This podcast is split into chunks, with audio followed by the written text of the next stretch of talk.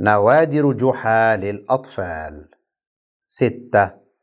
الله يعطيك. دعا جحا بعض أصدقائه وجلس معهم يتسامرون فوق سطح منزله.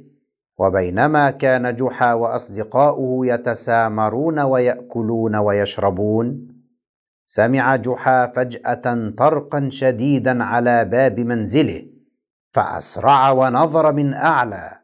فوجد رجلا غريبا فصاح به جحا لم تطرق الباب بعنف هكذا؟ ماذا تريد؟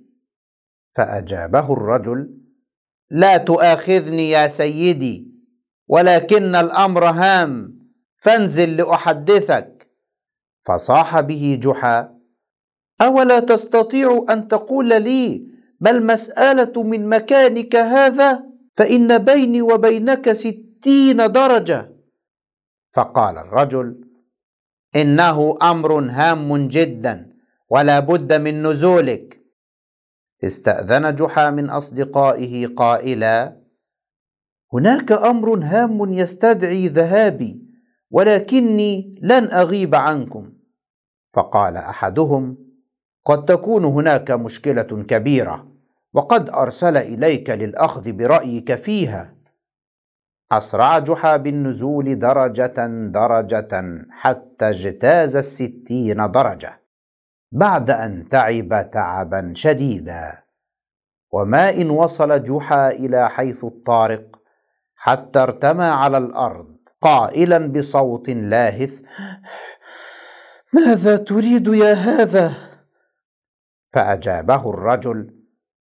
أنا فقير الحال. وأريد حسنة يا سيدي.